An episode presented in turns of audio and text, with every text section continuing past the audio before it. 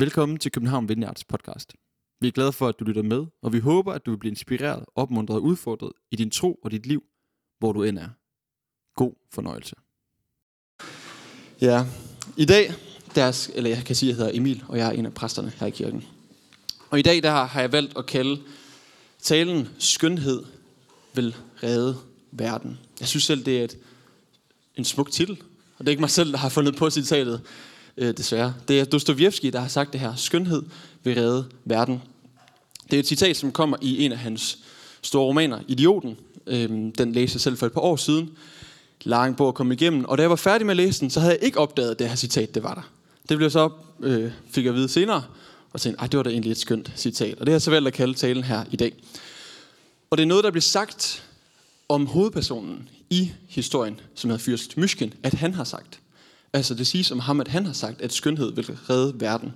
Og så er der på et tidspunkt en ung fyr, som hedder Ipolit, som kommer hen og spørger Fyrst Myskin ind til det her. Der siger han, jamen sig mig fyrste, hvad i alverden er det for en skønhed, der egentlig frelser verden?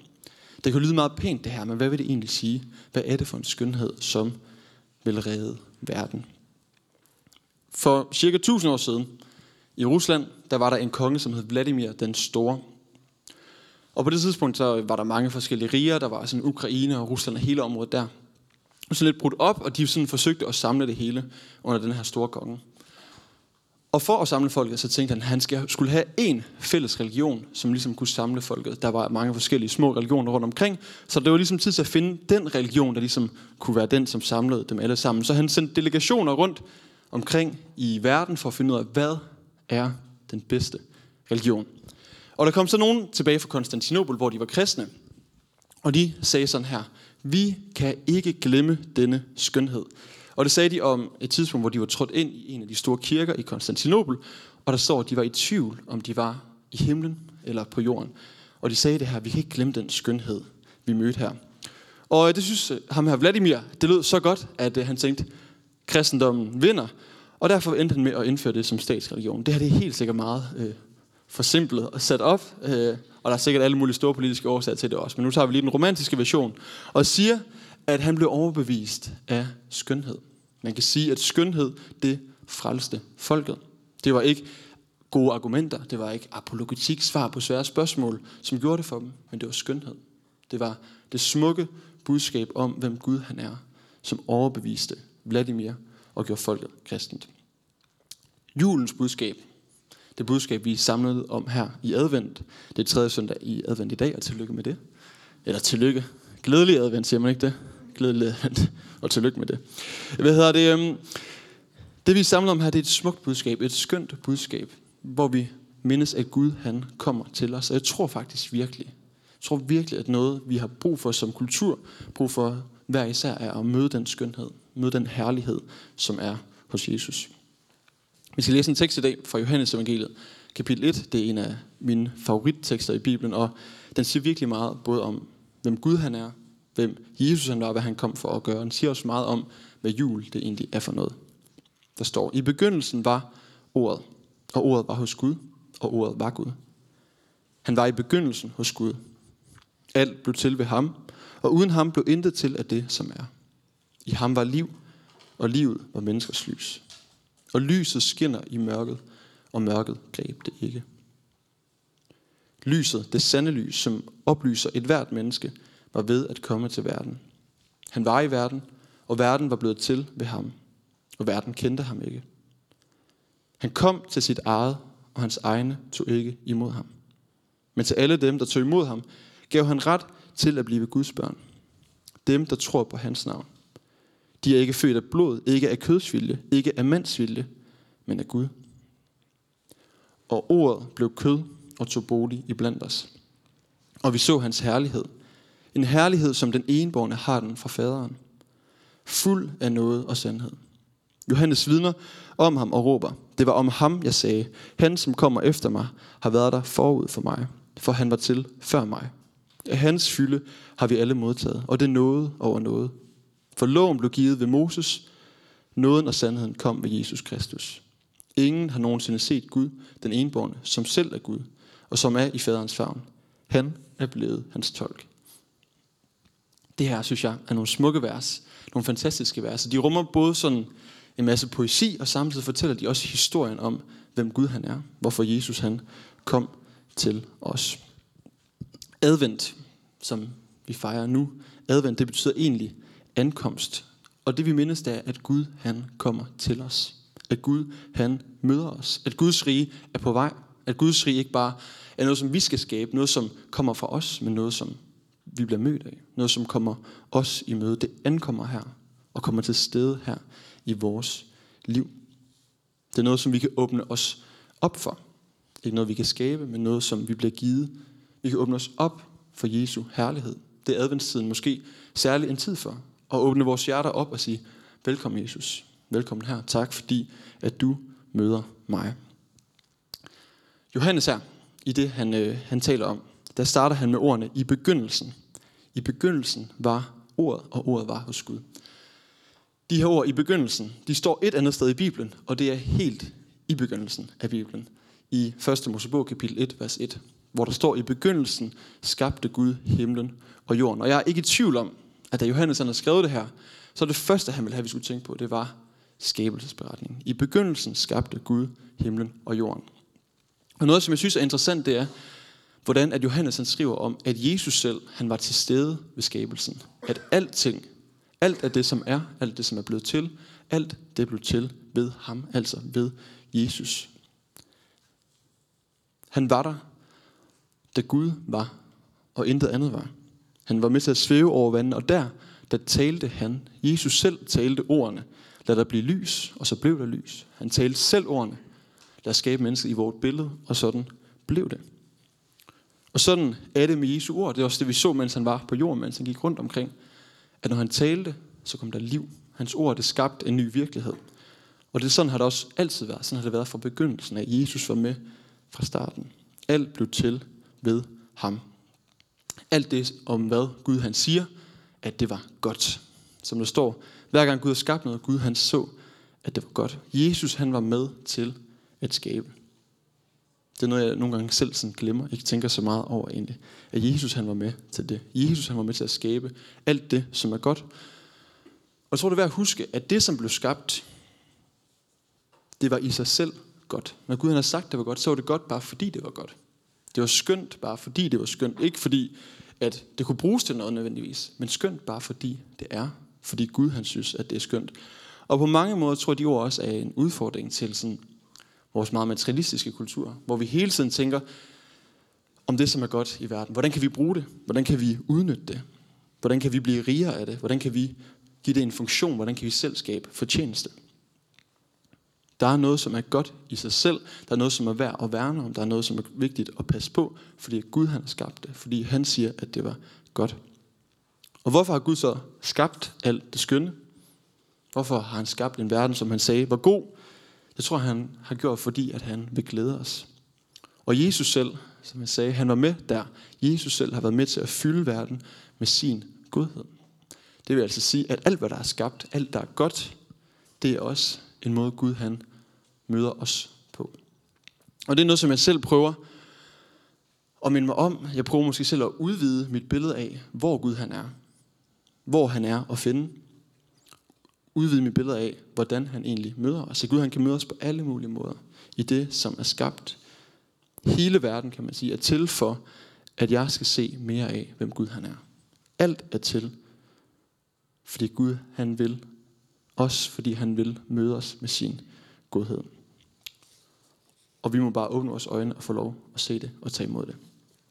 Der er en, der Richard Rohr, han har sagt sådan her.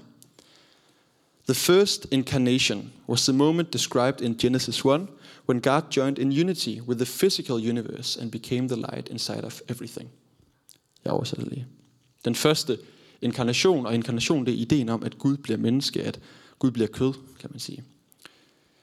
Så inkarnationen var det øjeblik, eller den første inkarnation var det øjeblik beskrevet i 1. Mosebog kapitel 1, da Gud forenede sig selv med det fysiske univers og blev lyset inden i alting. Jesus han skinner gennem alting. Han har taget bolig i den her verden selv. Han er til stede over det hele. Hans gudhed er over alt. Der er en sociolog, som hedder Hartmut Rosa, og han er blevet ret kendt for et begreb her de senere år, som han øh, kalder resonans. Det er jo ikke ham, der har opfundet ordet. Det er jo egentlig et ord, som kommer sådan fra øh, musikverdenen. Jeg kan ikke helt forklare det. Jeg prøvede at google resonans, og fandt ud af, at det bliver kun forvirrende, hvis jeg prøver at sige noget om det. Så øh, jeg tager den fluffy oversættelse af ordet, øh, eller betydning af ordet, som man måske kan sige, det er mere erfaring. En erfaring af, at der er mere i verden. Det kan også beskrives som en erfaring af, at verden den svarer tilbage. En erfaring af, at verden den er fyldt med mening. Sådan som det er med resonans, det er, at vi kan ikke styre det. Det er ikke os, som nødvendigvis skaber det. Det kan opstå, når vi mindst venter det. Og det, som altid er fælles for den her følelse af, ah, der er mere, det er, at det er noget, som møder os først. Det er noget, som kommer os i møde, og det er ikke os, der styrer det. Den her erfaring af, at der er en eller anden form for genklang i verden, som om tingene de hænger sammen. Som om, at verden nærmest svarer, som om verden har noget at sige. Måske man kan beskrive det som følelsen af, at der er et gavmildt univers, en gavmild til, tilværelse, hvor der hele tiden er gode ting, som møder os. Og det her, jeg beskriver her, det er ikke sådan en unik kristen erfaring. Jeg tror ikke, det er noget, som øh, er forbeholdt folk, der tror på Gud, og kunne have den her føle op, erfaring af resonans, erfaring af, at der er mere. Jeg tror, det er noget, som alle kan erfare. Det tror faktisk, at vi alle sammen indimellem oplever. Det håber jeg i hvert fald, at vi alle sammen får en erfaring af, wow, verden er god. Hvor er det vildt, at jeg er her. Hvor er det vildt, at det hele eksisterer. Der må være et eller andet mere.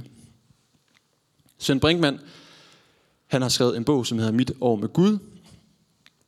Og øh, jeg kan normalt godt lide Søren Brinkmann bøger, men den her, den vil jeg ikke anbefale, at man køber som julegave. Så hvis nogen har gjort det, skynd ned ad bytten, køb en anden bog. Men han beskriver alligevel der en oplevelse, som jeg fik lov til at komme med i den her prædiken. Og han beskriver, at han er på ferie i Italien. Han sidder i en båd med to, øh, to øh, nej, hans to sønner. Han sidder i en båd med dem. Og lige pludselig der, mens solen skinner, og vandet det er helt blikstille, så får han bare en følelse af, at alt er godt.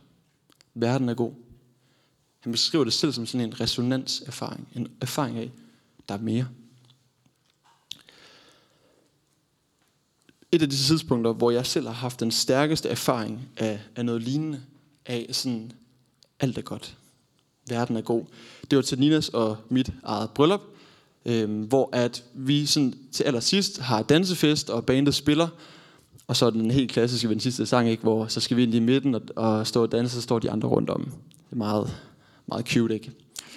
Hvad hedder det? Øhm, men der, i det øjeblik, i det øjeblik, mens vi står der og er fyldt øh, af, et rum fyldt med mennesker, som jeg holder af, som jeg er så glad for, er der, og de, man kan mærke, de er glade, der sker der et eller andet særligt i mig. Og jeg kunne mærke, at jeg blev fuldstændig overvældet af, hvor godt det hele er. Livet er godt. Alt er kærlighed. Kærlighed er overalt. Jeg kunne mærke, hvordan det strømmede gennem mig en følelse af, wow, hvor er verden bare god. Hvor er det hele godt. Og efterfølgende har jeg tænkt på den her oplevelse mange gange, og er også kommet frem til, at jeg har valgt at kalde det en åndelig erfaring. En åndelig erfaring, fordi jeg tror, at det er fra Gud. Jeg tror, det gode, vi erfarer. Det gode, der møder os i verden. Den her følelse af, at der er mere, at alt er godt. Jeg tror, det kommer fra Gud. Det skønneste, det smukkeste, som er, det som vi møder, som virkelig er skønt. Det kan få os til at stoppe op, det kan få os til at stands op midt i et fortravlet liv. Stop op og se op og bare nyde det, som møder os der. Det kan være en solopgang, det kan være en solnedgang, vi ser. Det kan være sneen, der daler, det kan være udsigten fra toppen af et bjerg. Det kan være alle mulige forskellige ting, som fylder på en eller anden måde det hele med mening. Men, kan man så spørge, hvad har det her med advent at gøre?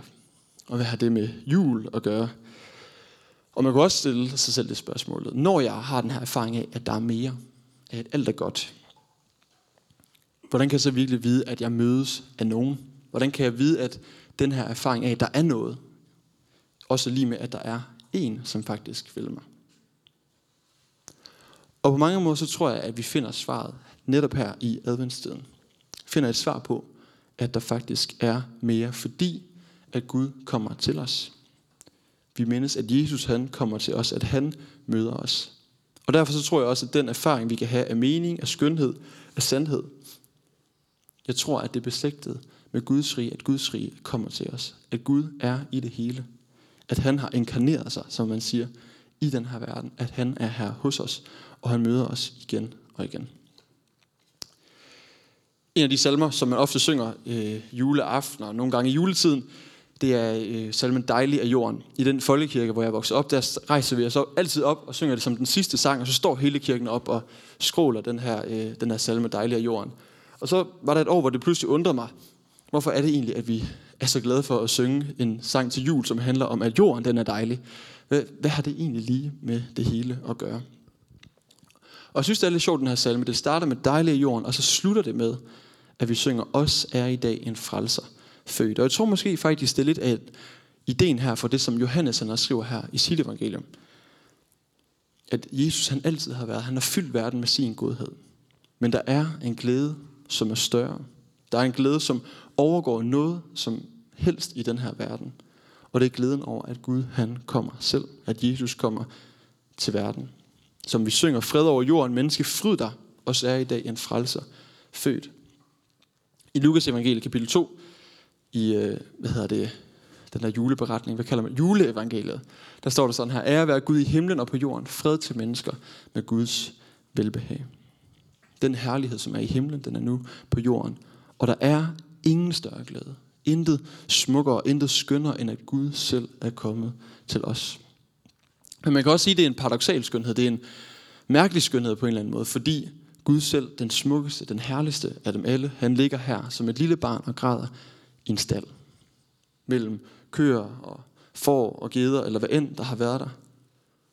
Det har ikke set helt vildt lækkert ud. Han har ikke været på det her kongepalads. Det har egentlig ikke måske set så skønt ud. Og senere i hendes liv sker noget så grusomt og grimt, som at han hænger der på et kors med hænderne navlet fast til det her træ.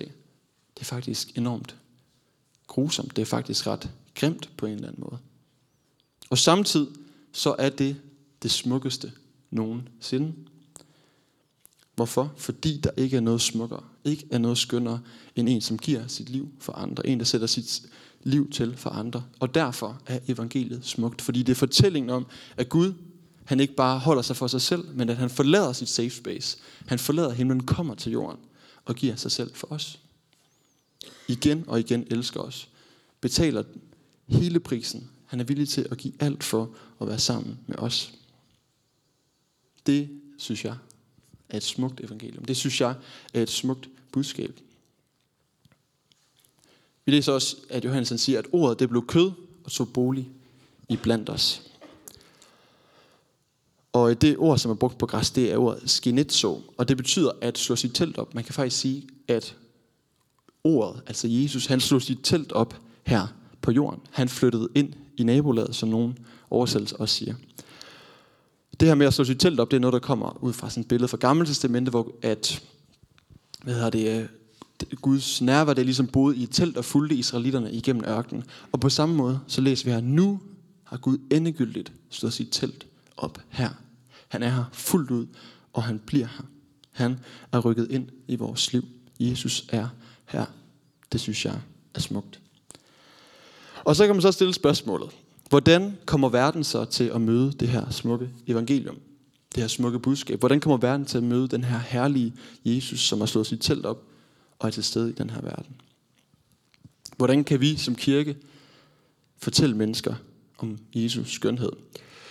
Og man kan jo stille sig selv spørgsmål, om det sker ved, at en flok halvsure kristne rotter sig sammen og skriver nogle gode læserbreve og smider dem i Kristelig Dagblad og Jyllandsposten og hvor end man kan finde på og skrive sure opslag på Facebook om alt det, som er skidt i verden.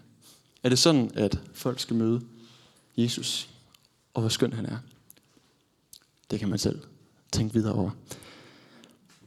Er det ved, at vi kan svare på alle svære spørgsmål? Er det ved, at vi gemmer os? Er det ved, at vi holder os for os selv? Er det ved, at vi bruger alt, hvad vi har fået givet på os selv? At vi bare holder på vores eget? Er det sådan, at verden skal møde Guds herlighed? Religion, det med tro, det med kirke måske endda, det kan faktisk godt komme til at se sådan lidt grimt og selvoptaget ud. Lidt sådan, ja, man kan sige farisæisk, at man, vi går og tænker, åh, vi har bare ret, og derfor så gider vi slet ikke have noget med nogen andre at gøre. Det kan se grimt ud på alle mulige måder faktisk. Når der bliver skabt sådan træls religiøse systemer osv. Og jeg tror, at Jesus han viser os en anden vej. Han viser os, hvordan at vi som kirke kan møde verden på en smuk måde, kan møde verden med hans skønhed. Ligesom Jesus han slog sit til op, ligesom Jesus han kom os nær, så må vi også gøre det. Der står i Esajas kapitel 54, vers 2, der står der et vers, som jeg ved øh, et vers, som dengang kirken her den blev, blev startet, der var øh, det her vers med til at inspirere hele ideen om at være en inkluderende kirke, som vi virkelig prøver på at stræbe efter at være. Der står sådan her, gør mere plads i dit telt. Spænd teltduen ud, spar ikke på den. Gør bardunerne lange og slå pløkkerne fast. Og så sådan noget med at sprede sig mod syd og mod nord. Altså, gør mere plads i dit telt. Lad os gøre mere plads i vores telt.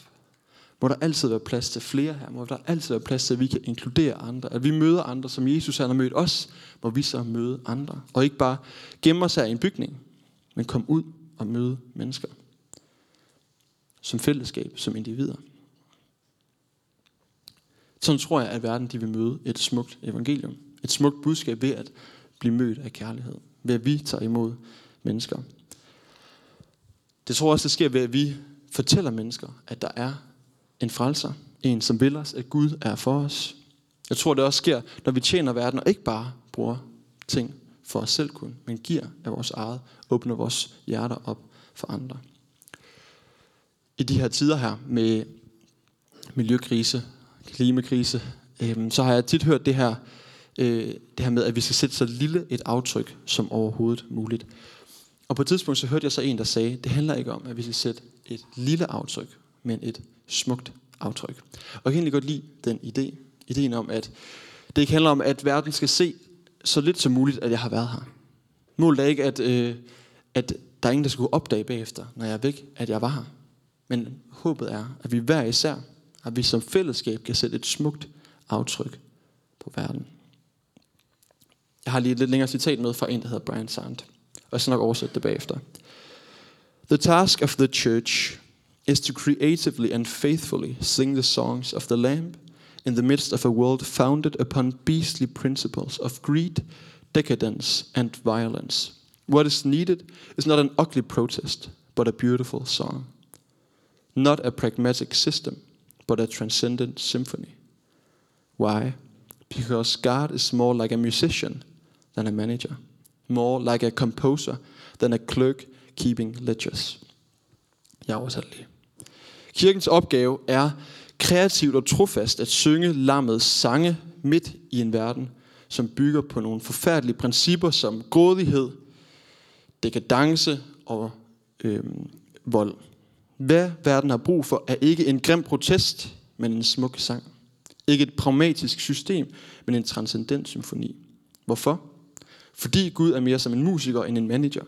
Mere som en komponist, som en, noget man nok kunne oversætte lidt som bogholder. Og jeg vil bare sige, at jeg beklager til jer, der er managers og bogholdere. Det er ikke for at være efter jer, at jeg har taget det her citat med. Og det kan man også, det, det er der også plads til i Guds rige. Hvad hedder det?